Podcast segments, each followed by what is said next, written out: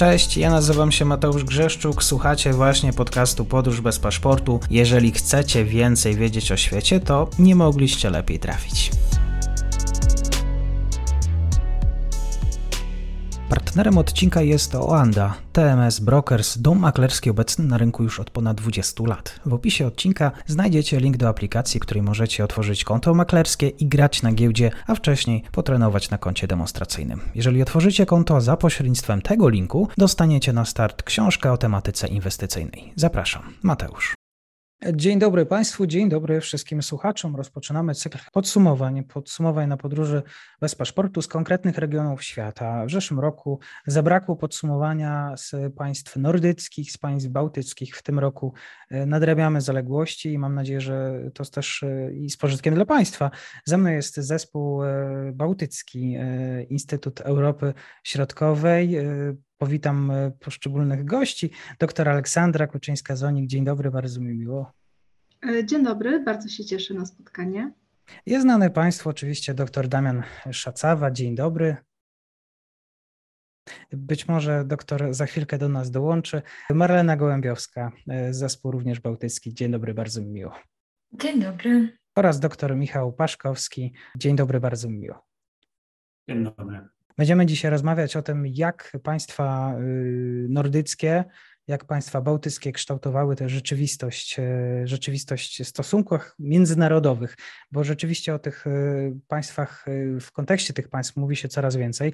Doktor Aleksandra Koczyńska-Zonik, to jest tak rzeczywiście, że przez ostatni rok o tych o państwach nordyckich, bałtyckich mówimy częściej, chcemy brać może bardziej pod uwagę, co poszczególne rządy, jaka jest ich polityka, pewne poglądy na, na sytuację międzynarodową.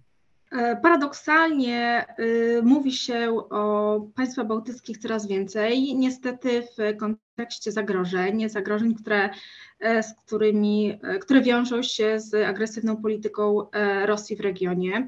I rzeczywiście wraz z atakiem Rosji na Ukrainę państwa bałtyckie stały się no niemal najważniejszymi aktorami e, w tej części Europy, które zwracają uwagę opinii międzynarodowej na to, co się dzieje w regionie, zwracają uwagę na, e, na to, że polityka Rosji e, od wielu lat jest agresywna i coraz bardziej szkodliwa i zagraża bezpieczeństwu w regionie. Jak najbardziej jest to E, dosyć duży, duża koncentracja analityków, ekspertów e, na, na ten obszar e, państwa bałtyckie zwracają uwagę, ponieważ czują się zagrożone, czują się, obawiają się o własne bezpieczeństwo.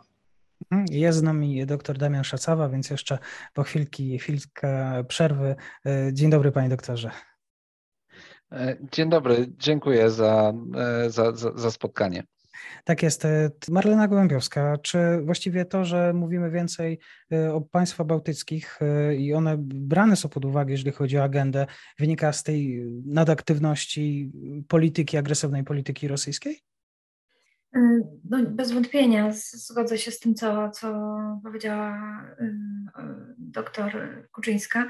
Zonik jest rzeczywiście tak, że, że o tych państwach mówi się bardzo wiele w kontekście tej bliskości, ale też w kontekście wsparcia, jakie państwa bałtyckie udzielają walczącej Ukrainie obecnie, bo jeśli przyjrzymy się takiemu wsparciu w relacji do potencjału gospodarczego, to państwa bałtyckie rzeczywiście są bardzo ważnym bardzo ważnym kierunkiem, skąd ta pomoc płynie, zarówno militarna, jak i humanitarna. E, więc e, cały, też, cały ten region, mam wrażenie, mm, Europy Środkowej jest teraz, stał się teraz e, w takim globalnym nawet aspekcie na, na, na świeczniku i, i wszyscy przyglądają się tej sytuacji międzynarodowej, więc myślę, że, że, że jak najbardziej. Mhm.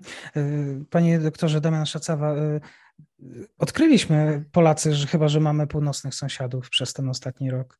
Ale my dobrze wiedzieliśmy o tym, że mamy tych północnych sąsiadów. Nawiązując do tego, co mówiły, e, co mówiły koleżanki, ja powiem, że E, no tak, e, niestety o regionie nordyckim jest głośno. Niestety jest głośno w związku z tym, co dzieje się na Ukrainie. Głośno jest po tym, jak po, po inwazji Rosji na Ukrainę, i, i to jest tak naprawdę główny powód tego, że rozmawiamy, analizujemy i patrzymy na to, co zrobią państwa, które graniczą z Polską od północy. Tutaj mówimy głównie o Szwecji, Finlandii e, i ich akcesji do NATO, o czym pewnie będziemy jeszcze dzisiaj e, troszkę rozmawiać, ale mówimy również o tym, co się dzieje wewnątrz tych państw, jeżeli sobie popatrzymy na działania związane z dezinformacją, jeżeli sobie popatrzymy na kwestie walki z inflacją, która nie jest tylko i wyłącznie czymś, co dotyka e, Polskę, czy też e, inne państwa w regionie, ale dotyka również te lepiej rozwinięte państwa na północy kontynentu. E, czy jeżeli sobie popatrzymy na te wyzwania stojące przed tymi państwami w polityce klimatycznej i energetycznej, więc tych, tych obszarów jest tak naprawdę bardzo, bardzo dużo. Mhm, doktor Michał Paszkowski, kiedy przeglądam y, właściwie codziennie informacje, jeszcze, jeszcze w kontekście oczywiście wojny na wschodzie, cały czas wątki energetyczne. To nie tylko oczywiście wschód, ale właściwie to jest rok energetyki, rok mówienia o energetyce. Tak, faktycznie jakby jeżeli chodzi o e, jakby aspekt energetyczny, on jest niezwykle ważny. E, tutaj biorąc pod uwagę przede wszystkim no, znaczenie Federacji Rosyjskiej na rynku ropy naftowej i gazu ziemnego, a też innych e, surowców i produktów, więc faktycznie jakby w tym, w tym kontekście niewątpliwie jest to na pewno rok, który mocno odbijał się, odbił się na, na, na tych rynkach. Te zawirowania, które, które po prostu doświadczaliśmy, one mają oczywiście przełożenie e, na wszystkie państwa Europy Środkowej i też państwa bałtyckie, które oczywiście tam, gdzie tylko mogą, podejmują działania dywersyfikacyjne i też trzeba przyznać, że z bardzo dużym e, sukcesem rok podejmowania trudnych decyzji i pytanie, które, nad którym się dzisiaj zastanawiają analitycy, dotyczące również z, z, pracujący w sektorze bezpieczeństwa, e, ale i nie tylko. Czy Szwecja i Finlandia dołączyły do NATO? E, czy jesteśmy bliżej odpowiedzi, panie Damianie? Chciałbym wiedzieć, e, tak najkrócej, odpowiadając bardzo krótko. Odpowiadając jeszcze krócej, to, to krótka odpowiedź jest tak. Jestem przekonany, że dołączą. Natomiast e, dłuższe pytanie i dłuższa odpowiedź to jest, i otwarte wciąż pytanie, to jest pytanie, kiedy dołączą. Znaczy, e, przypomnę, że Oba państwa w momencie składania wniosków e, w połowie maja tego roku zakładały, że ten proces potrwa około roku. Na początku on przebiegał, czyli proces już ratyfikacji E, przebiegał bardzo szybko, wyjątkowo szybko, jak, nawet jak, jak, jak to się nie starzało w historii NATO. E, dziś wciąż dwa państwa nie ratyfikowały dokumentów akcesyjnych. Węgry obiecały ratyfikację w pierwszym kwartale przyszłego roku ale ja pozostaję ostrożny w kwestii tej daty, ponieważ Węgry łączą te kwestie z innymi płaszczyznami.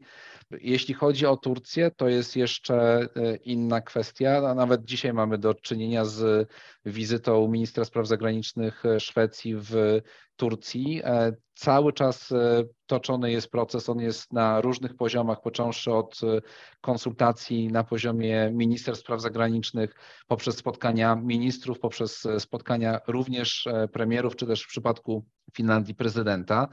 No i cóż, no i, no i jest kwestia taka, że mamy to porozumienie trójstronne, które podpisała Turcja, Szwecja i Finlandia które jest e, porozumieniem e, dość ogólnym i jest e, różnie interpretowane przez poszczególne państwa, a chociażby poniedziałkowa decyzja dotycząca odmowy wydalenia tureckiego dziennikarza, którego, który był jako jedyny był wskazany przez prezydenta Turcji z imienia i nazwiska i, i szwedzki Sąd Najwyższy nie zgodził się na jego ekstradycję, wskazując, że istnieją, e, że tak powiem, duże szanse, duże, e, du, duże szanse na to, że on będzie prześladowany w Turcji ze względu na swoje poglądy, e, no pokazuje, że to wcale nie jest taki łatwy proces. Mamy pewien postęp na drodze, jeśli chodzi o zezwolenie na eksport broni, aczkolwiek ja chciałbym podkreślić, że takiego formalnego zakazu ani Finlandia, ani Szwecja nigdy nie wprowadziły, czyli agencje czy też ministerstwa odpowiedzialne za eksport broni nigdy nie miały takiego mm, oficjalnego zakazu eksportu broni do, do, do Turcji. W tym momencie oba państwa czynią starania, żeby traktować Turcję jako przyszłego sojusznika, w związku z tym patrzeć na te restrykcje E, albo na te ewentualnie ograniczenia wywozowe w inny, w inny sposób. E, no i e, pozostaje jeszcze kwestia przyszłości tego, jak to zostanie odebrane przez Turcję. Wiemy, że w Turcji w czerwcu mamy wybory prezydenckie. Wiemy, jak bardzo mocno polityka wewnętrzna w tym państwie jest teraz powiązana z polityką międzynarodową. No i pozostaje nam czekać. Pani Aleksandro, y, chyba z państwa bałtyckie chciałby mieć y, swoich sąsiadów za plecami, sąsiadów w NATO. To dosyć komfortowa sytuacja.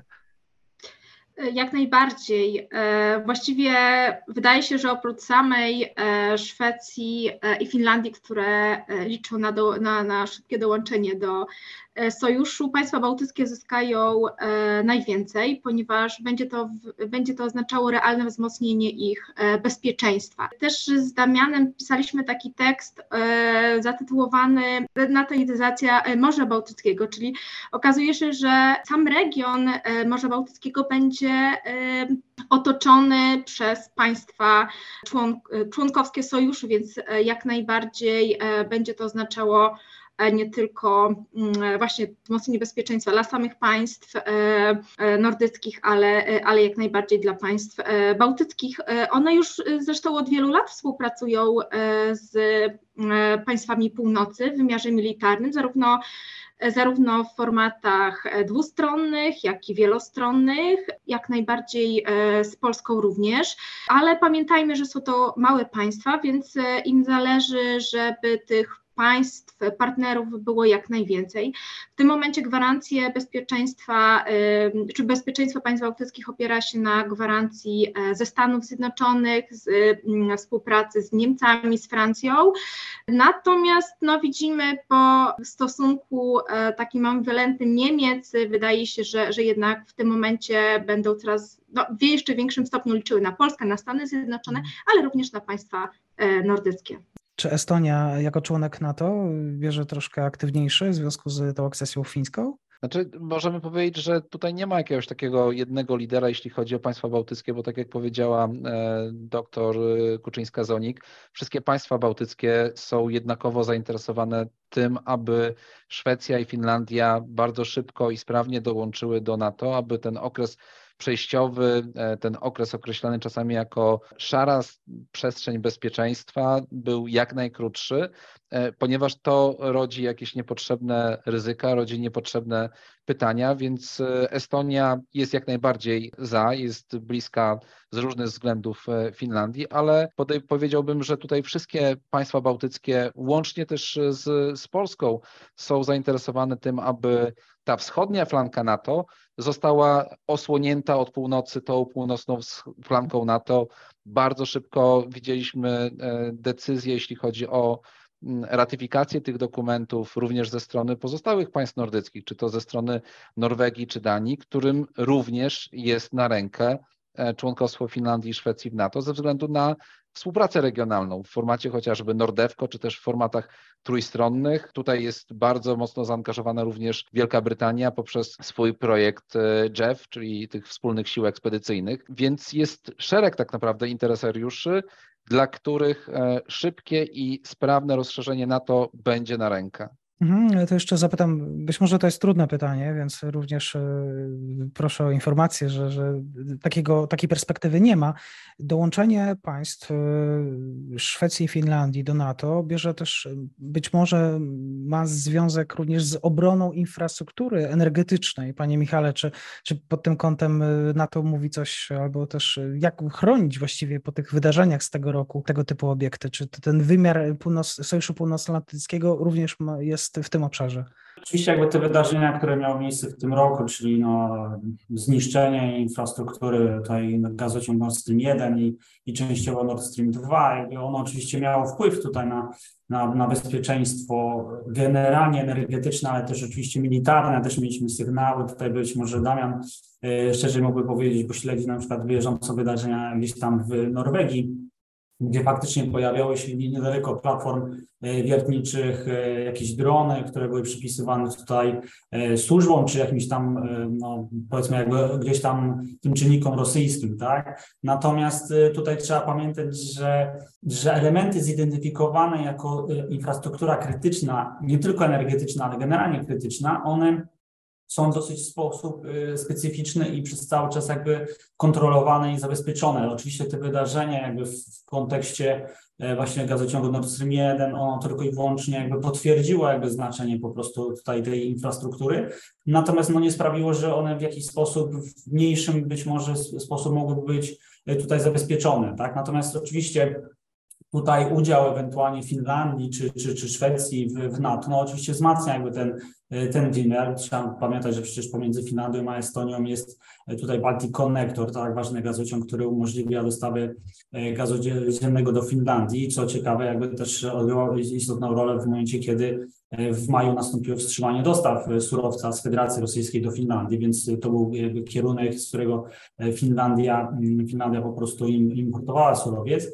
Więc tak jak mówię, raczej jakby pod tym względem ta infrastruktura i tak jest tutaj no, na pewno jakby jest w odpowiedni sposób po prostu kontrolowana i zabezpieczona. Mhm, to jeszcze oddam głos e, Damian Szycowa. Okej, okay, więc, e, więc bardzo szybko. Zgadzam się i nawiązując do tego, co, co, co mówił e, dr Michał Paszkowski, ta współpraca jest od wielu lat widoczna pomiędzy państwami NATO i państwami nordyckimi w obszarze no, pilnowania, kontrolowania infrastruktury krytycznej. Dwie rzeczy, które, o których warto pamiętać. Znaczy, po pierwsze, my mówimy tutaj o bardzo dużych obszarach morskich, które są do E, kontrolowania, do, do, do pilnowania, zwłaszcza jeżeli chodzi o Morze Północne, czyli te e, gazociągi, które są z norweskiego szelfu na, przez, przez Morze Północne do, e, do, do, do wybrzeży Danii i Niemiec, więc to jest pierwsza uwaga, że to, że to jest bardzo trudne tak naprawdę do patrolowania. Dwa, że współpraca jest tak naprawdę na wielu poziomach i ona obejmuje zarówno przygotowanie do szybkiego reagowania co w sytuacji, gdy dojdzie już do zaatakowania tej infrastruktury krytycznej, w jaki sposób e, ją e, najszybciej przywrócić, przywrócić jej sprawność, a dwa, no w jaki sposób sobie wzajemnie pomagać, biorąc pod uwagę właśnie ten, ten rozległy obszar. No i ostatnia kwestia to, jest, to są też koszty, które są do poniesienia, jeśli chodzi o pilnowanie tej infrastruktury. To są, to są bardzo duże wydatki i dr Michał Paszkowski wspomniał o Norwegii. Na początku listopada Norwegowie podnieśli e, swoje siły zbrojne, e, podnieśli stan gotowości swoich sił zbrojnych, co oznacza, że w kontekście takich e, tanich jednak e, działań ze strony adwersarza, czyli ze strony podejrzewamy tak, Federacji Rosyjskiej i, i tych ataków kil, kilka osób, które zostały złapane z dronami oskarżenia o szpiegostwo, to pojawia się, pojawiają się bardzo duże koszty po stronie, po stronie Norwegii związane z podniesieniem gotowości. To jest tak, że jeżeli jesteśmy blisko sektora, oczywiście zbrojeniowego, w związku z tymi wyzwaniami, które, które jakby nadaje to niestety tutaj Rosja, e, Gospodarki muszą inwestować, państwa muszą inwestować w swoje sektory, inwestycje w obronność. Oczywiście partnerzy w postaci sojuszu, czy właśnie też jako główny partner Stany Zjednoczone wspierają poszczególne kraje. Pani Aleksandro, czy kraje bałtyckie, które zmagają się z, również z inflacją, swoimi problemami, o tym będziemy mówić później, stać na inwestycje w sektor zbrojeniowy? Nie wiem, czy to jest dobrze postawione pytanie, czy stać, e, czy, czy nie stać. Raczej pytanie powinno być, e, czy chcą, czy muszą. E, I tutaj jest jednoznaczna odpowiedź. Będą robiły wszystko, żeby wzmocnić swoje bezpieczeństwo i deklarują coraz to wyższe wskaźniki czy, czy wyższe wydatki na e, cele obronne. E, nawet dzisiaj przeczytałam informację o zmianie czy, czy pewnej redefinicji strategii bezpieczeństwa Estonii, w której to Estonia deklaruje zwiększenie wydatków na cele obronne do 3%. Jest już szybko po, zaraz po wybuchu wojny wszystkie państwa mówiły o sukcesywnym zwiększeniu do 2,5% PKB przeznaczonych na cele obronne, no teraz już pojawiają się jeszcze wyższe, e, jeszcze ważniejsze deklaracje. E, myślę, że e, będzie na pewno ciężko, natomiast pamiętajmy, że te państwa mają w pamięci II wojnę światową i okupację rosyjską, więc tutaj nie mam wątpliwości, że będą starały się zrobić wszystko, co w ich mocy, ale ponieważ nie dysponują być może wystarczającym potencjałem, no będą, tak jak wspomniałam, opierały się na współpracy wielostronnej. Myślę, że też warto podkreślić, podkreślić e, to, co jest e, istotne w przypadku tych małych państw, to to, że one bardzo e, wielowymiarowo traktują bezpieczeństwa i to, o czym my mówimy, czyli wzmocnienie bezpieczeństwa nie oznacza tylko wzmocnienie armii czy systemów antyrakietowych, ale również takie szeroko pojmowane bezpieczeństwo. Tutaj zarówno cybernetyczne, informacyjne i tutaj myślę, że państwa bałtyckie są naprawdę liderami w tym zakresie. To jeszcze y, poproszę Marlenę o wyjaśnienie, czy, czy tutaj rzeczywiście te gospodarki to udźwigną. I tutaj też rozpoczynamy ważny wątek wsparcia y, dla Ukrainy. Jak państwa bałtyckie nie to, że jeszcze same się zbroją, y, zabezpieczają własne potrzeby, to jeszcze zabezpieczają potrzeby swojego, swojego sąsiada. A ja rzeczywiście przewrotnie powiem, że to pytanie, czy stać państwa bałtyckie na te wydatki, jest, może coś w sobie mieć, dlatego że rzeczywiście rok 2022 państwa bałtyckie zamykają dość gospodarczo w dużym kryzysie, e, mają bardzo wysoką inflację, jeszcze do niedawna najwyższą, znaczy cały czas najwyższą w, spośród państw strefy euro, natomiast jeszcze e, już nie najwyższą, jeśli chodzi o Unię Europejską, bo Węgry w najnowszym odczycie e, przebiły państwa bałtyckie. Natomiast rzeczywiście i prognozy wzrostu na przyszły rok są bardzo nikłe. W zasadzie Komisja Europejska prognozuje, że Łotwa będzie miała recesję, Estonia i Litwa bardzo niski wzrost gospodarczy, który tak naprawdę no nie wiemy, czy się wydarzy w ogóle. Więc rzeczywiście to jest bardzo trudny czas dla tych państw, y, jeśli chodzi o, o to, jak ten kryzys uderza w, w te trzy gospodarki. I pytanie, Oczywiście coś za coś, bo można przesuwać pewne środki, tak? Dlatego mówimy o tym, że państwa bałtyckie tak i, i, i same się zbroją i dozbrajają Ukrainę i wysyłają tam pomoc humanitarną i, i, i naprawdę mnóstwo pieniędzy kierują e, w kierunku e, Ukrainy, ale rzeczywiście każde euro powinno być tam oglądane z wielu stron, zanim się je wyda, e, dlatego że nawet zresztą nie tak dawno mm, prezes Narodowego Banku Łotwy powiedział, powiedział takie zdanie, że każde takie luźno wydane euro może po prostu zwiększyć inflację, więc musimy tą politykę fiskalną, wszystkie wydatki, które, które państwa bałtyckie mają naprawdę prowadzić dość restrykcyjnie. Stąd też y, oczywiście no, tak, pewne przesunięcia na pewno będą. Dzisiaj ta kwestie bezpieczeństwa są na tyle ważne, że z nich państwa bałtyckie na pewno nie zrezygnują, natomiast y, no, na innych y, elementach trzeba będzie jednak tego przysłowiowego pasa zaciskać. Panie Damianie, kto bardziej pomaga? Biedn, biedn, biedniejsze nieco państwa bałtyckie czy bogata północ?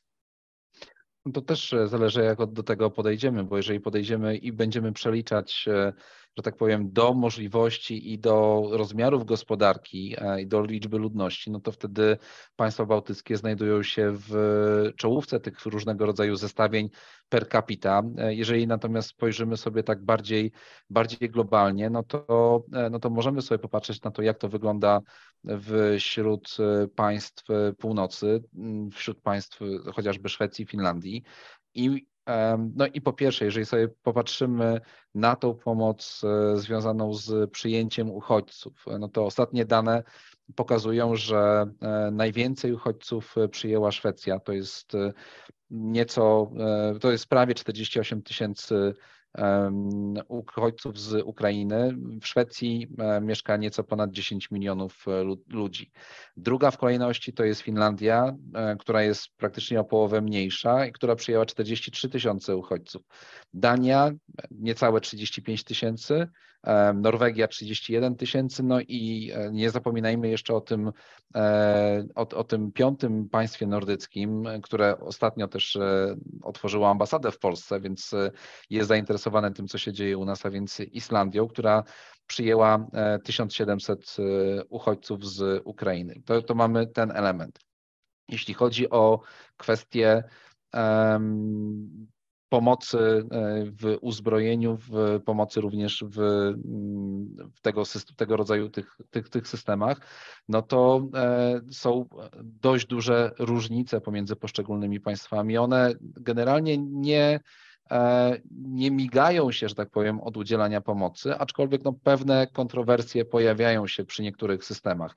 To, co jest charakterystyczne dla tych państw, to jest to, że one dość niechętnie mówią to, co przekazują, e, po to, aby zapewnić bezpieczeństwo, po to, aby nie informują, krótko mówiąc, e, co będzie w danym pakiecie, jakie systemy zostaną przekazane, kiedy te systemy dosta zostaną dostarczone, jakimi sposobami, po to, aby, no, aby tutaj nie ułatwiać, że tak tak powiem, zadania przeciwnikowi. E, dużo mówi się na temat e, systemów e, archerów, tak, tych systemów szwedzkich. To też warto powiedzieć, że spośród tych państw to Szwecja jest jednym z większych producentów uzbrojenia, więc to inaczej troszeczkę wygląda w przypadku Finlandii, inaczej wygląda w przypadku Szwecji, czy też, czy, czy też innych państw, więc to jest, to jest kolejny element. Szwedzi ostatnio odebrali swoje ostatnie archery. Rząd, e, nowy rząd centroprawicowy krytykował poprzedników za to, że te systemy nie zostały dostarczone e, Ukrainie, pomimo tego, że prezydent mhm. Zełenski o nie apelował. E, no, na razie nie zostały dostarczone też przy nowym rządzie. Zobaczymy, jak, co, co będzie w kolejnych, w kolejnych miesiącach. Myślę, że tutaj decyzja o przekazaniu patriotów no, w pewien sposób otwiera szerzej te drzwi na dostawy tego nowoczesnego uzbrojenia. Mhm, to jeszcze dopowiem Marlena Gołębiowska z perspektywy państw bałtyckich. Y, rzeczywiście, bo skupiałam się na tej części, w ostatniej odpowiedzi skupiałam się na tej części, czy stać, y, natomiast y, nie mogę nie powiedzieć tego, co napisaliśmy w tym roku w Instytucie, czyli tekstu Dużo rola małego państwa o wsparciu Estonii, która otworzyła swoje portfele serca i, i wszystko dla, dla Ukrainy, ale też chyba każdy z nas to potwierdzi, że nasze wyjazdy i obecność w państwach bałtyckich w tym roku napawały taką, takim takim poczuciem solidarności z Ukrainą. Tam e, tak naprawdę w każdym miejscu, za każdym rogiem, w prywatnych domach, wszędzie widać ukraińską flagę, wszędzie widać e, antyputinowskie hasła to nie jest też tylko tak, że w tych państwach to centralne, z poziomu centralnego się o tym decyduje, to po prostu ludzie czują wielką solidarność, więc w państwach bałtyckich rzeczywiście jest to widoczne tak gołym okiem, kiedy spacerujemy po ulicach. Zastanawiam się, czy to wsparcie dla Ukrainy ma również charakter energetyczny, więc tutaj oczywiście pan Michał dosyć problematyczne pytanie, ale też problematyczna jest odpowiedź, bo też trzeba pamiętać, że e, państwa nordyckie no, nie, nie, nie sąsiadują bezpośrednio z Ukrainą, tak? Ewentualnie jakieś jakby wsparcie, jeżeli już, to może mieć miejsce w kontekście ewentualnie tutaj dostaw surowców, głównie tutaj mówimy o gazie ziemnym, ewentualnie przesył energii elektrycznej do, do państw bałtyckich. Natomiast więc dlatego jakby takie bezpośrednie jakby tutaj wsparcie jakby tutaj no niestety nie ma, tak? Ale oczywiście jakby tutaj budowa w długim horyzoncie czasowym różnych połączeń energetycznych, jak chociażby Baltic Pipe, jak y, chociażby funkcjonujący tutaj y, gazociągowy Baltic Connector, tak, e, czy, czy ewentualnie terminal LNG Hamina, które zostało oddane do eksploatacji w tym roku, kolejne będą oddawane w, w tym roku. One w kontekście chociażby rynku gazu jakby powodują, że tego surowca jakby w tym, na tym rynku jest, jest więcej, więc jakby takim, można powiedzieć, bardziej pośrednim wsparciem jest po prostu umożliwienie po prostu dywersyfikacji tych państw, które to potrzebują, tak, zmiany jakby kierunków dostaw e, surowców energetycznych. Natomiast no, w długim horyzoncie czasowym gdzieś tam jeżeli na tym rynku będzie się pojawiał gaz z Norwegii czy, czy, czy z innych kierunków, jak chociażby terminal LNG w, w Klejpedzie, jakby są realizowane dostawy czy z Norwegii, czy ze Stanów Zjednoczonych, no to po prostu w tym regionie będzie funkcjonowały, będzie jakby na tyle jakby duża ilość surowca, która mogłaby dzięki jakby istniejącym interkonektorom jakby zapewnić ewentualnie gdzieś tam dostawy gazu ziemnego do, na Ukrainę, tak? Natomiast no tutaj jakby mówię, wsparciem takim bezpośrednim stricte państw nordyckich, jeżeli mówimy tutaj, no to no oczywiście jest, mówię, ograniczone jakby tutaj istniejącą infrastrukturą. Tak samo jeżeli chodzi o e, inne surowce, tak, przesył tak samo energii elektrycznej, no tutaj e, Ukraina jest wielkim jakby wytwórcą energii elektrycznej, posiada elektrownie jądrowe, więc no tutaj akurat, e, tutaj bardziej wsparcie by, jeżeli byłaby sytuacja jakby gdzieś tam w miarę stabilniejsza, no to tutaj byłoby w, drugim, w drugą stronę. Tak. To jeszcze wątek bardzo ważny oczywiście, o którym się sporo mówi. Sama obecność wojsk NATO, sojuszu E, na terenie państw e, bałtyckich. E, tutaj nie wiem, czy ona ma zwierciedlenie również na północy, bo pewnie pojawiają się wspólne szkolenia, więc też o tym chwilkę porozmawiamy. Pani Aleksandro? Wspomniałam o tym tak wcześniej, że agresja rosyjska na Ukrainę nie była niczym nowym dla państw bałtyckich, które już od wielu lat ostrzegały o zagrożeniu ze wschodu. E, dlatego właściwie od aneksji Krymu e, nalegały, prosiły e, opinie międzynarodowe, czy właściwie państwa sojuszu o wzmocnienie wschodniej flanki i rzeczywiście od 2016 roku właściwie decyzją szczytu z 16 roku w państwach bałtyckich stacjonują rotacyjnie wojska natowskie. Natomiast w momencie rzeczywiście coraz bardziej agresywnej polityki Rosji, państwa bałtyckie, a w rezultacie E, po, po rosyjskiej agresji na Ukrainę, państwa bałtyckie zaczęły postulować o jeszcze większe wzmocnienie tej części Europy e, i de facto szczytem e, w Madrycie uzyskały decyzje, uzyskały deklaracje o zwiększeniu liczebności wojsk natowskich w tych państwach. Mają, obecnie mają stacjonować w każdym z państw bałtyckich od 3 do 5 tysięcy żołnierzy sojuszu. E, dodatkowo ma być skoordynowana współpraca między, jeszcze w większym stopniu między państwami, mają odbywać się wspólne szkolenia, wspólne ćwiczenia, e, dodatkowo wymiana informacji, rozbudowywana jest stale infrastruktura. Tutaj warto podkreślić e, znaczenie Rail Baltica, które mm, przecież e, to połączenie kolejowe nie tylko będzie miało znaczenie dla transportu towarów czy, czy osób, ale również właśnie w transportowaniu uzbrojenia i generalnie do celów e, militarnych, do, wojskowych. Rail Baltica, która mamy nadzieję już za parę lat e, ruszy, chociaż są opóźnienia, ruszy i będzie, będzie właśnie spełniała te funkcje militarne. E, więc tak jak wspomniałam, tutaj państwa bałtyckie są usatysfakcjonowane i stale, stale domagają się, czy właściwie nalegają na wzmocnienie i wsparcie sojuszu dla, dla ich bezpieczeństwa bezpieczeństwa. Ja jeszcze chciałem na zakończenie jeden wątek. Z jednym, w jednej z rozmów z ekspertem, ale to w ramach jakby innej inicjatywy, zapytałem się, co by było finalnie, gdyby nawet i Szwecja i Finlandia do tego NATO nie dołączyły. Czy by to coś właściwie zmieniło, bo mamy wspólne ćwiczenia, jakby systemy, systemy są coraz bardziej spójne, mamy wspólną komunikację, więc ta akcesja może być yy, takim czymś symbolicznym, czy, czy nie, panie Damianie?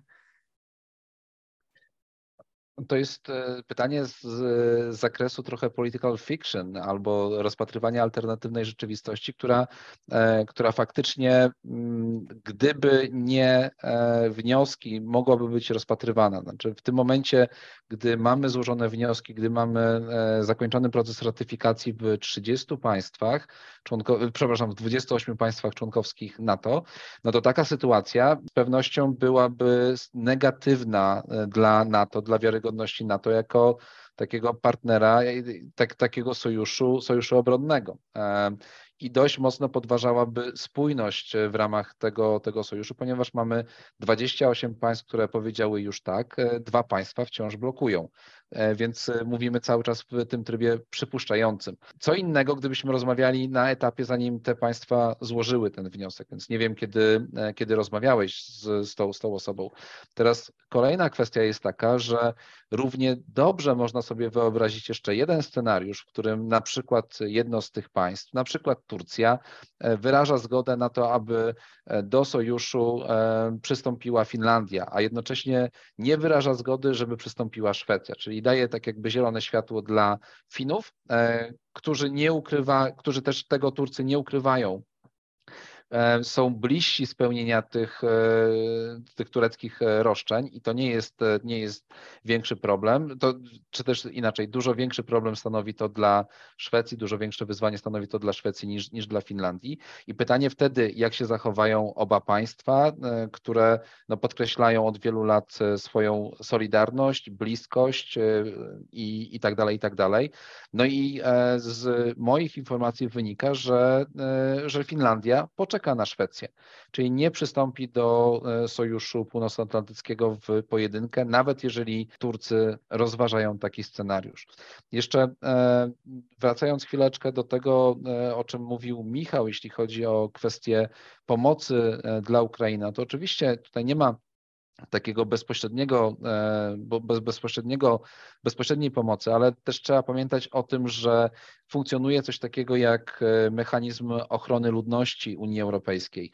I e, państwa nordyckie, które są członkami Unii Europejskiej są bardzo mocno zaangażowane, e, a chociażby wysyłanie generatorów prądu, generatorów elektryczności jest, jest takim przykładem, ale widzimy też jak od jak dawna ukraiński system energetyczny jest atakowany, więc wszystkie części, które służą do naprawy i utrzymania tej tej, tej zdolności przesyłu energii, to również są e, elementy, które są wysyłane przez e, państwa, między innymi przez państwa nordyckie. Przechodzimy teraz e, płynnie do bloku gospodarczego i tutaj pytanie do, do Marleny, bardzo krótkie, dlaczego inflacja jest tak duża? To ja przewrotnie, bo Damian odpowiadał bardzo krótko na pytanie, dwoma słowami mówił, że może odpowiedzieć, a ja nie mogę odpowiedzieć, bo nie ma jakby jednej przyczyny, dlaczego, dlaczego inflacja jest tak wysoka w państwach bałtyckich. Oczywiście jest wiele przyczyn, które znamy wszyscy, to znaczy po pierwsze mieliśmy pandemię, która z jednej strony, po tej stronie podażowej zakłóciła pewne y, mechanizmy, potem spowodowała, że mieliśmy odroczony popyt. To wszystko znamy jako we wszystkich państwach, w których notujemy obecnie inflację, to istnieje.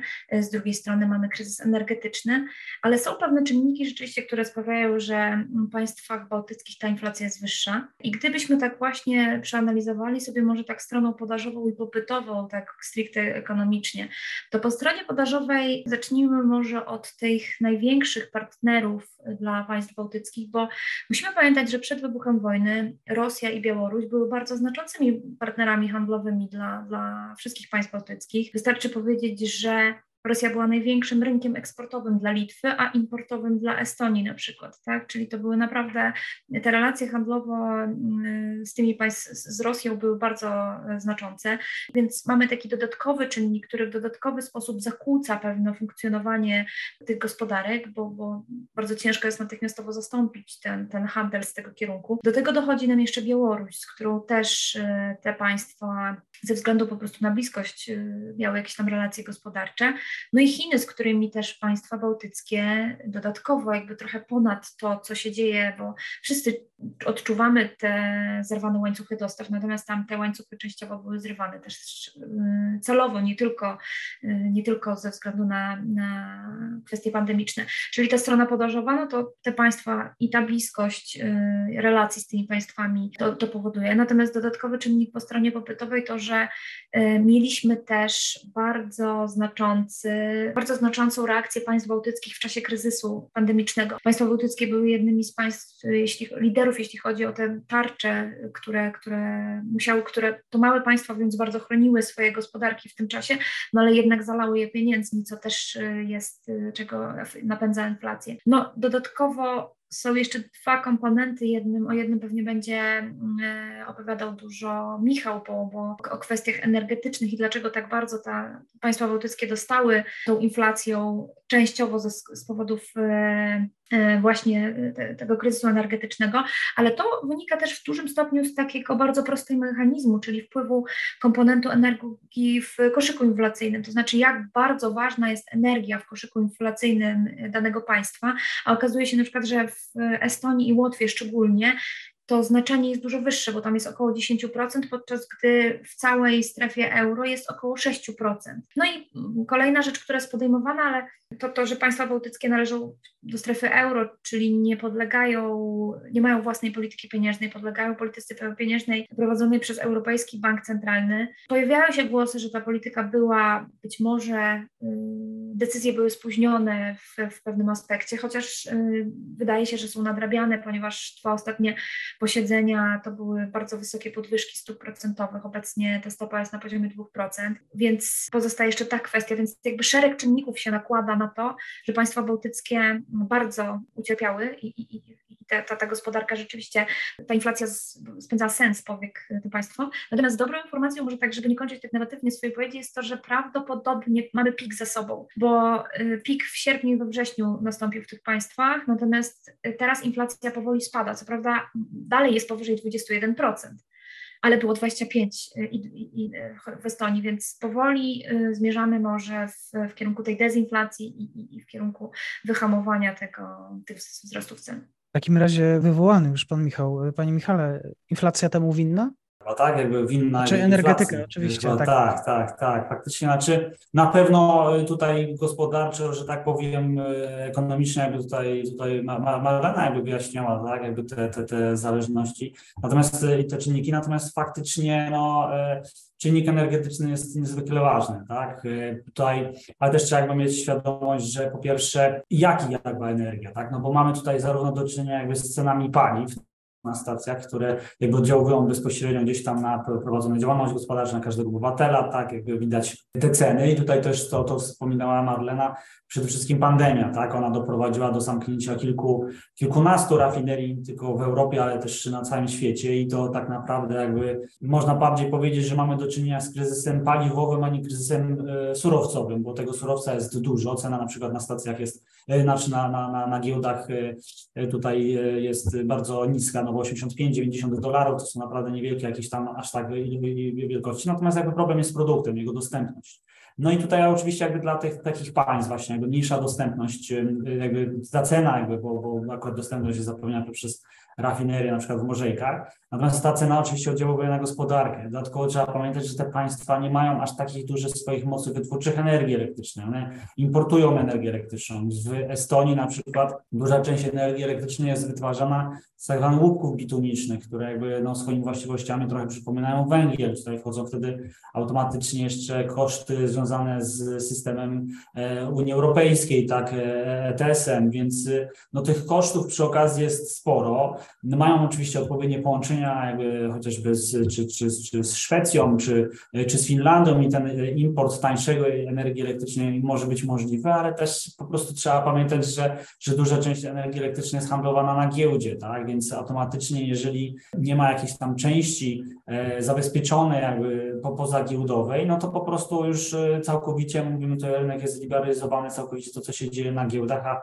e, no tutaj jakby wiele czynników ma wpływ, jak chociażby wysokie ceny gazu ziemnego, tak, no to automatycznie po prostu powoduje, że, że, że to ma przełożenie na szeroko rozumiane po prostu koszty, koszty energii, no i bezpośrednio po prostu na gospodarkę. Mhm. To tutaj y, pojawiają się wątki, y, po pierwsze Szwedzi, który, którzy byli przyzwyczajeni pewnie do, do innych cen, muszą się dzisiaj zmagać również z tymi problemami natury energetycznej, nawet chyba rozmawialiśmy o tym z panem Damianem y, na jednej, w jednej z audycji, ale tutaj jeszcze wcześniej poproszę Pani Aleksandro, czy w kontekście państw bałtyckich, e, trudna sytuacja gospodarcza, inflacja, energetyka, czy tutaj to wpływa na te słupki poparcia dla partii, być może jakieś takie niezadowolenie społeczne? Na pewno wpływa na y, poparcie y, w stosunku do partii rządzących, natomiast nie spodziewałabym się jakichś gwałtownych zmian i niezadowolenia społecznego, które, które powodowałoby e, jakieś manifestacje, demonstracje antyrządowe, jakie, e, z jakimi mieliśmy miejsce w pandemii, mieliśmy e, do czynienia w pandemii. To znaczy znowu państwa, społeczności państw bałtyckich są generalnie nastawione antyrosyjskie, rosyjsko, więc w tym przypadku jest to zrozumiałe, że jakby wszelkie, wszelka aktywność e, zmierzająca do wzmocnienia własnego bezpieczeństwa i zmniejszenia uzależnienia jakiegokolwiek, czy to gospodarczego, czy energetycznego od Rosji, będzie niosło e, koszty dla społeczeństw. Natomiast, tak jak właśnie też było wspominane, e, rządy robią bardzo dużo, żeby, żeby odpornić społeczeństwa. Oczywiście są partie, które populistyczne, ale to bardziej niszowe, które wykorzystują to niezadowolenie społeczne wśród pewnych grup społecznych, bo wiadomo, że społeczeństwo e, w państwach bałtyckich jest e, niejednorodne, jest dużo podziałów nie tylko na linii etnicznych, ale na linii etnicznej, ale również jeśli chodzi o dostęp do, do różnych dóbr e, i jeśli chodzi o bezrobocie i wynagrodzenie, więc są partie, które starają się wykorzystać pewne niezadowolenie, natomiast są to partie niszowe, które nie sądzę, żeby uzyskały jakiś znaczny znaczące poparcie i jakby były mm, bardzo wizualne i e, zmieniły rozkład sił e, politycznych na scenie w państwach bałtyckich. To oczywiście pan Damian, e, czy tutaj nie ten komfort, nie ten komfort, do którego byli przyzwyczajeni obywatele państw z północy, sprawia, że no właśnie, ma poparcie, wynikową jest to, co się dzieje na słupkach wyborczych. W przypadku obu państw których mieliśmy wybory w tym roku, czyli w Szwecji i w Danii. W Danii to były wybory przyspieszone, w Szwecji odbyły się w terminie kwestie e, trudności gospodarczych, kwestii wysokich cen, e, inflacji, która jest na rekordowych poziomach, e, nie wiem, 30, w przypadku Danii nawet 40-letnich, czyli to są ceny, które, czyli ten, ta, ta inflacja, ten wzrost tych cen jest na poziomie, które, którymi no, dwie, dwa pokolenia tak naprawdę się nie stykały, jest czymś, co bardzo często pojawiało się w kampaniach wyborczych i czymś, co bardzo mocno też wpłynęło na wyniki E, zwłaszcza w przypadku e, Szwecji. E, to jest również kwestia, kwestia tego, że te trudności wynikają ze specyfiki. Znaczy w państwach nordyckich po pierwsze mamy do czynienia z, z rynkiem, który, na który ta, ta cena jest definiowana. Po drugie, państwa nordyckie, a w zasadzie społeczeństwa w tych państwach nordyckich bardzo często wykorzystują energię elektryczną do ogrzewania, więc dramatycznie rośnie zapotrzebowanie na energię elektryczną w okresie grzewczym, w okresie jesiennym, zwłaszcza w okresie zimowym. No, klimat jest tutaj nieubłagany. Po trzecie, można powiedzieć, dochodzą planowane i nieplanowane e, trudności związane z generowaniem, z wytwarzaniem energii elektrycznej. Tutaj Mamy do czynienia w przypadku Szwecji chociażby z przedłużającym się postojem remontowym w, e, w, w, elektrowni atomowej Ringhals 2, która miała być oddana, czy też która miała powrócić do, do, do systemu przed, e, przed, przed jesieni, tak? przed tym okresem grzewczym. No wiemy już na pewno Vattenfall ogłosił, że nie wróci przed, e, przed, przed lutym. Wiemy, że jest, są zmiany klimatu, zmieni, zmniejszyła się ilość wód chociażby w, na północy Norwegii, więc hydroelektrownie norweskie wytwarzają mniej tego prądu e, i tak dalej, i tak dalej. Więc mamy tak samo szereg, e, szereg problemów, szereg wyzwań, które doprowadziły nawet do tego stopnia, że e, premier Szwecji poprosił społeczeństwo o to, aby zaczęło oszczędzać, ponieważ grozi im blackout. Może ten blackout nie jest jakimś realnym zagrożeniem, ale już samo, sam fakt tego, że premier wystąpił i zaapelował do, o to, żeby ograniczyć ogrzewanie o jeden stopień, aby zmniejszyć zużycie ciepłej wody, pokazuje, że, no, że trzeba się tutaj przygotowywać na różne scenariusze. Mhm. Panie Michale, to jest rok projektów energetycznych pod hasłem suwerenność energetyczna, tak bardzo często powtarzana. Zgadza się?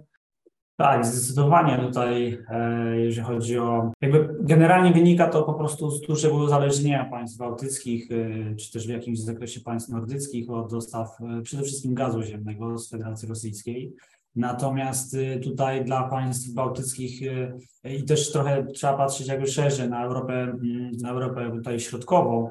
Y, faktycznie jakby te projekty, które będą realizowane, one będą notabene jakby większe niż zapotrzebowanie tych państw, chociażby planowane E, tutaj terminal e, LNG w, w Skulte, w, w Paldiński będzie jeszcze jeden w, w Estonii.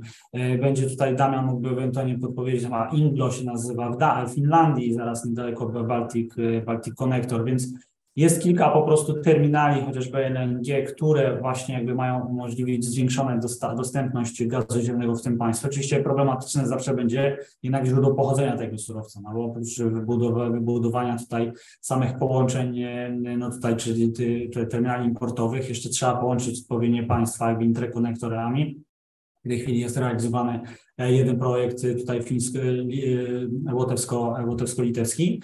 E, natomiast mówię, same jakby, same jakby zdolności importowe to jedno, ale z, z drugiej strony właśnie jakby trzeba mieć źródło pochodzenia tego, tego surowca. Natomiast tak jak już jakby wspominałem, jakby te zdolności importowe na całym Morzu Bałtyckim, jeżeli tutaj chodzi o Finlandię, jeżeli chodzi, bo tutaj mówimy jakby przede wszystkim o tych państwach, Finlandia, tutaj Estonia, Łotwa, Litwa, też Polska poprzez Baltic Pipe, czy też terminal LNG w Gdańsku, E, no, te wszystkie zdolności importowe one będą powyżej możliwości tych państw, absorpcji tych, tych, tych gazu ziemnego, więc jakby naturalnym jakby etapem jest po prostu rozbudowa interkonektorów i ewentualnie kierowanie tego surowca po prostu do, do Europy Środkowej. I oczywiście na tym jakby przede wszystkim właśnie chociażby w kontekście Polski. E, tutaj e, jakby tutaj liczą akurat tutaj na tę rozbudowę zdolności importowych, e, czy Czechy, czy, czy też Słowacja, o której non stop gdzieś tam słyszymy o, o takich właśnie jakby tutaj trwających negocjacjach odpowiednich tutaj ministerstw. Więc faktycznie jakby jest to rok dużych inwestycji, ale na pewno one będą kontynuowane, chociaż też trzeba jeszcze tylko dodać, że to jest też rok zakończonych inwestycji, jak właśnie Baltic Pipe, jak interkonektor Polska-Słowacja, jak interkonektor Polska-Litwa i ten rynek surowcowy, chociażby w kontekście gazu ziemnego, on całkowicie wygląda inaczej niż to było na początku tego roku, a więc też na początku wojny, tak? Więc, więc tutaj te, te wcześniej zaplanowane inwestycje, one będą na pewno służyć bezpieczeństwu energetycznemu i całe szczęście jakby zostały zrealizowane w tym roku, a nie ma jakichś takich większych e, gdzieś tam poślizgnięć w tym, w tym, w tym zakresie. Mhm. Jeżeli rozmawiamy o krajach Europy Środkowo-Wschodniej, nie zapominajmy też o inicjatywę Trójmorza. Ja mam wrażenie, że również e, w tym roku e, słyszałem, e, czytałem o tej inicjatywie dosyć sporo, w związku z tym, że poszukuje się tych nowych sojuszy, nowych partnerstw. Jednym z celów Trójmorza jest współpraca energetyczna.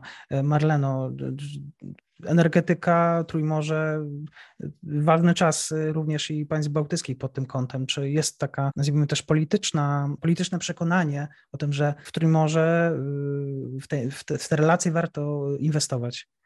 Na pewno w Polsce, w której rozmawiamy, i w państwach bałtyckich, o których rozmawiamy, takie przekonanie jest. Zresztą w tym roku to właśnie Łotwa była organizatorem siódmego szczytu inicjatywy Trójmorza, więc to pokazuje, że y, państwa jako drugie już państwo bałtyckie y, w ciągu tak, tych siedmiu szczytów podjęły się organizacji. Także oczywiście ta energetyka, ale też te dwa pozostałe elementy, czyli transport i, i ta infrastruktura cyfrowa, to są trzy takie nogi, na których e, stoi e, inicjatywa Trójmorza i, i ta współpraca energetyczna jest jakby ważnym elementem w, tych, w przypadku tego, e, w przypadku i, i tego formatu współpracy. Rzeczywiście o Trójmorzu mówi się, przynajmniej w tym analitycznym świecie coraz więcej się mówi o tym, o tym projekcie.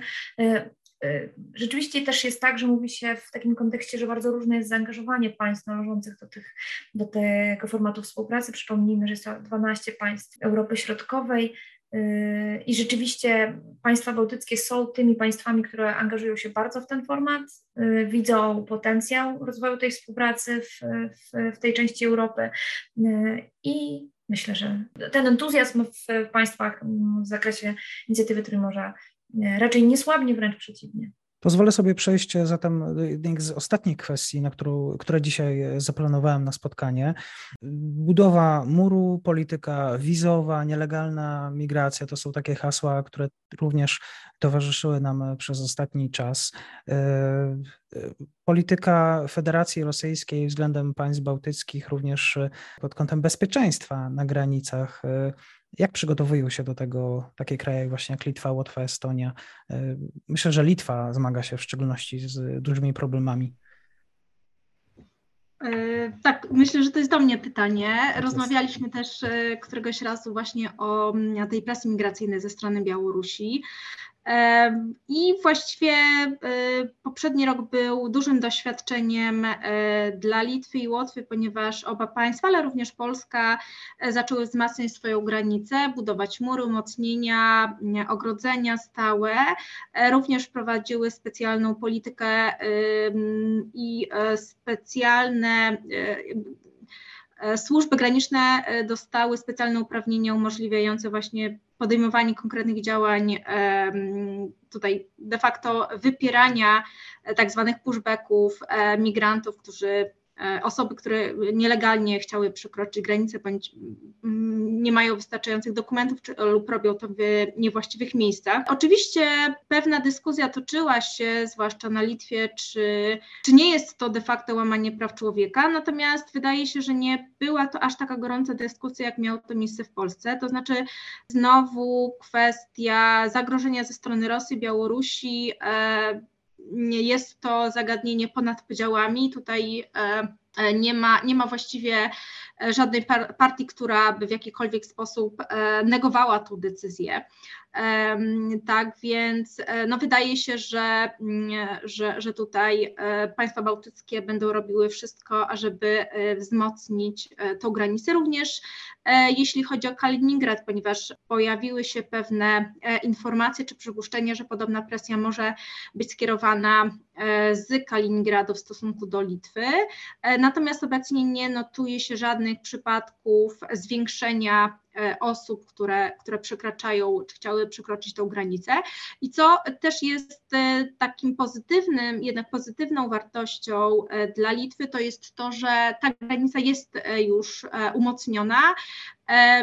Są tam monitoringi, są specjalne systemy.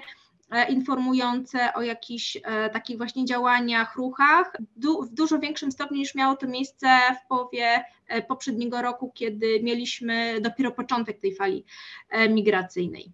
To samo pytanie, ale z perspektywy państw nordyckich. Pan Damian Szacawa, dużo się mówiło o tym murze i o fińskich pomysłach. A tak, znaczy no, trzeba też sobie powiedzieć, że z punktu widzenia no, czystej geografii, prawda, e, to e, Finlandia ma troszeczkę większe wyzwanie niż e, jakiekolwiek z państw bałtyckich, czy też, czy też nawet Polska, bo mówimy tutaj przecież o granicy o długości ponad 1300 km, 1340 km, która przebiega przez w większości przez tereny, które są słabo zamieszkane, więc pilnowanie takiej granicy również pod względem obronnym no, nastraża E, na, na, na, nastarcza jakieś e, no, koszmarnie innych wyzwań niż e, mamy to do czynienia chociażby w Polsce. No i tak, Finowie po, po, po, po dyskusjach zgodzili się na budowę muru o długości około 200 km. On się rozpocznie na przejściu granicznym w Imatrze, to jest wschodnia Finlandia, południowo-wschodnia Finlandia, niedaleko, tuż przy przejściu granicznym.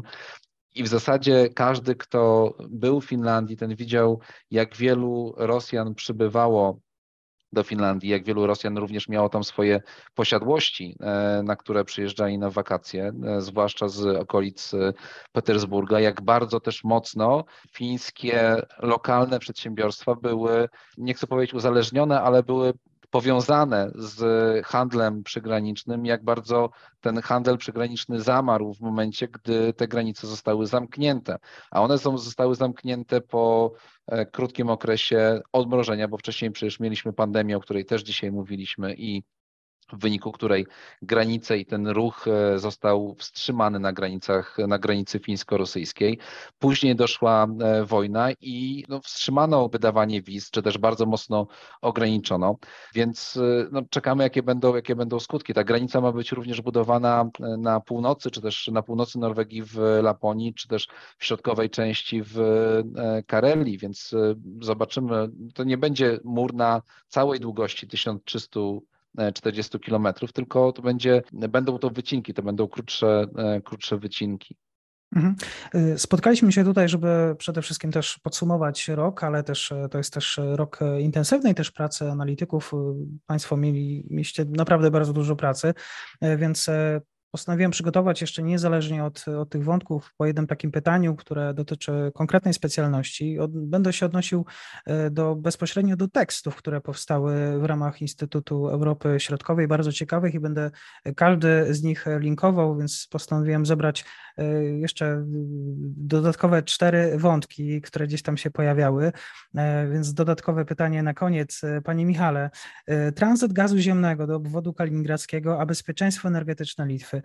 Litwa ma kluczowe znaczenie dla tego obszaru, dla zapewnienia właściwie funkcjonowania gospodarki e, obwodu kaliningradzkiego. Co zatem e, z tymi kwestiami energetycznymi i ograniczeniem handlu? E, tak, znaczy w momencie, kiedy przygotowywałem ten tekst, to wówczas sytuacja była trochę inna niż jakby obecnie mamy, ma, mamy tak.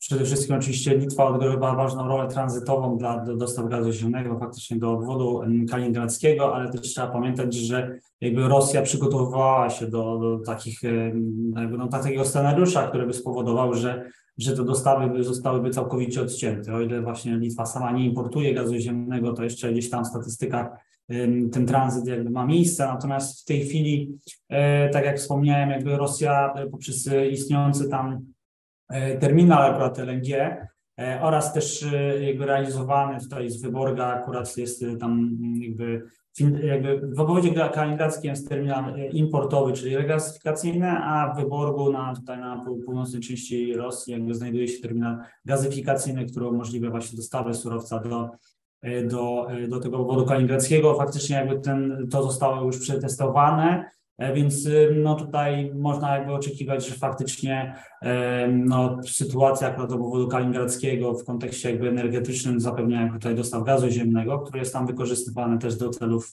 tutaj e, ciepłowniczych, no zostanie tutaj zapewniona, tak, więc faktycznie no tutaj też trzeba jakby no trzeba to też traktować jako jeden z elementów jakby działań rosyjskich, y, wcześniej jeszcze przygotowań do wojny, bo wszyscy o tym gdzieś tam jakby dyskutowali. Natomiast faktycznie jakby no teraz Rosja jakby w tym obwodzie kaliningradzkim jest y, w miarę bezpieczna, jeżeli chodzi no pod swoim jakby kątem zapewnienia dostaw y, tego surowca. Bardzo dziękuję. Kolejny tekst, który będziemy linkować, a który jest bardzo ciekawy i zachęcam Państwa, to wątek religijny, bo kościoły prawosławne patriarchatu moskiewskiego w państwach bałtyckich wobec rosyjskiej inwazji na Ukrainę. Pani Aleksandro, niezwykle ciekawy wątek, bo raczej nie zastanawiamy się na temat tego, jak pod tym kątem reagują te społeczności. Jak najbardziej, tym bardziej, że religia nie jest istotną wartością e, dla samych społeczeństw, e, natomiast ma znaczenie dla e, osób rosyjskojęzycznych, które my zwykle uważamy za ten element niesforności i nieprzewidywalności w państwach bałtyckich. I to jest ciekawe zagadnienie, ponieważ religia ma znaczenie, biorąc pod uwagę, że patriarchat moskiewski próbuje wpływać na postawy, opinie swoich wiernych właśnie przez to, że właśnie przez, przez wyznanie. Więc e, tutaj państwa bałtyckie podejmują również e, działania w celu odsunięcia właśnie decyzyjności patriarchatu masokiewskiego w państwach bałtyckich, a przez to zintegrowanie społeczeństwa wokół wartości społeczeństwa obywatelskiego demokracji i pomocy na Ukrainie. Także zachęcam do czytania tekstu. Bardzo dziękuję. Będziemy oczywiście umieszczać w opisie. Dwa wątki. Jeden wątek właściwie bardzo ważny, na który też rozmawialiśmy wcześniej, Marleno, bo mowa oczywiście o startupach. Jednorożce nad Bałtykiem, Estonia, europejską kuźnią startupów, ale mamy i kryzys, i, i gospodarka musiała zahamować. Czy, czy Estonia to jest nadal to dobre miejsce dla, dla młodych firm, które chcą się dalej rozwijać? Najlepsze. I nawet uśmiecham się, dlatego że to byłam ciekawa, jaki komentarz wybierzesz i trafiłeś mój ulubiony temat, bo rzeczywiście środowisko, jakie w Estonii się wytworzyło i sposób, w jaki funkcjonuje tam e, biznes e, razem z państwem, jak to współgra, spowodowało, że rzeczywiście Estonia ma powody do zadowolenia, bo zasiała ziarno na początku progu transformacji postawiła na cyfryzację i wygrała, bo po 30 latach okazuje się, że to jest ten element, który jest bardzo ważny, plus dodała, dołożyła do tego bardzo przejrzyste prawa, jeśli chodzi o i przepisy, jeśli chodzi o przedsiębiorców, bardzo jasne zasady, w jakich się funkcjonuje i wielką otwartość, ponieważ pamiętajmy, że to jest bardzo małe państwo, które powiedziało, dobrze, no to macie nasz, u nas w Polsce znany estoński CIT, znacie nasze zasady, one są bardzo proste, jak chcecie zagrać w nami tą grę, przyjdźcie, zarejestrujcie się, możecie założyć firmę u nas. I to działa, bo nie tylko Estończycy jako mieszkańcy zakładają firmy w Estonii, ale osoby spoza, ponieważ widzą, że środowisko jest ku temu sprzyjające. Także rzeczywiście mm, Estonia stała się y, taką, staje się coraz bardziej z roku na rok, to te, te wyniki, bo te owoce zbiera teraz i każdy rok przynosi coraz lepsze e, informacje z tamtej gospodarki, jeśli chodzi o zainteresowanie właśnie to, tym państwem jako tą cyfrową potęgą, jako tym państwem, które jest bardzo otwarte, jeśli chodzi o zakładanie biznesu, więc naprawdę y, z, z takim trochę przecieraniem y, oczami, tak trochę przecieram oczy co, co rok, jak jakieś nowe dane się pokazują, bo rzeczywiście robi to, robi to wrażenie i z całą pewnością jest to taki motor wzrostu, który się Estonii przyda na te najbliższe lata. I na zakończenie, y, na deser, państwo, którego nazwa chyba nie padła dzisiaj, y, bo nieco odbiega powiedzmy od, od tematyki naszej rozmowy, aczkolwiek często jest zaliczane do tych państw północy. Mowa o Danii i niezwykle ciekawy temat, bo Dania rezygnuje z klauzuli wyłączającej w sprawie polityki obronnej Unii Europejskiej. To dosyć przełomowa decyzja dla Duńczyków, panie Damianie. Tak, też byłem ciekaw, który tekst, który tekst wybierzesz. E, faktycznie Duńczycy opierali się e, bardzo długo i utrzymywali tą swoją klauzulę wyłączającą współpracę w dziedzinie polityki bezpieczeństwa i obrony przez e, no, 30 lat od 1992 roku, w zasadzie od początku. Nie padło dzisiaj chyba takie sformułowanie o tym, o licznych sukcesach prezydenta Rosji.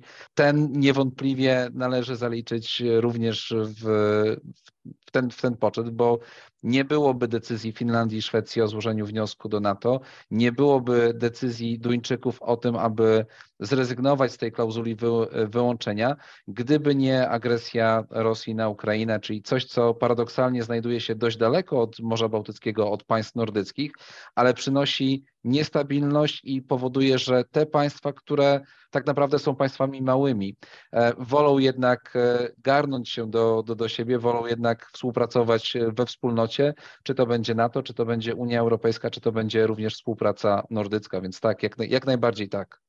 Ja zachęcam Państwa do czytania y, publikacji na y, Instytucie Europy Środkowej, wiele różnych, o które mogłem zapytać. Ciekawy wątek bardzo oligarchów y, rosyjskich, oligarchów powiązanych z Rosją w państwach bałtyckich. Jest również znaczenie pomników sowieckich w Europie Środkowej, oczywiście bezpośrednio wsparcie poszczególnych państw i o tym, jak właściwie rezygnuje się z importu gazu ziemnego, więc naprawdę jest tego dużo. Dziękuję serdecznie moim gościom. Marlena Gołębiowska, bardzo dziękuję. Bardzo dziękuję. Doktor Aleksandra Kuczyńska-Zonik, bardzo dziękuję. Dziękuję bardzo. Doktor Michał Paszkowski, serdecznie dziękuję za spotkanie. Nie słychać było, ale z pewnością pan doktor y, pozdrawia. Y, oraz doktor Damian Szacowa, bardzo dziękuję. Dziękuję za zaproszenie, dziękuję za spotkanie. I to już koniec na dzisiaj. Zapraszam na profil podcastu Podróż bez paszportu na Facebooku, Instagramie i Twitterze. Zachęcam też do wsparcia mojej pracy na serwisie Patronite oraz Buy Coffee. Do usłyszenia.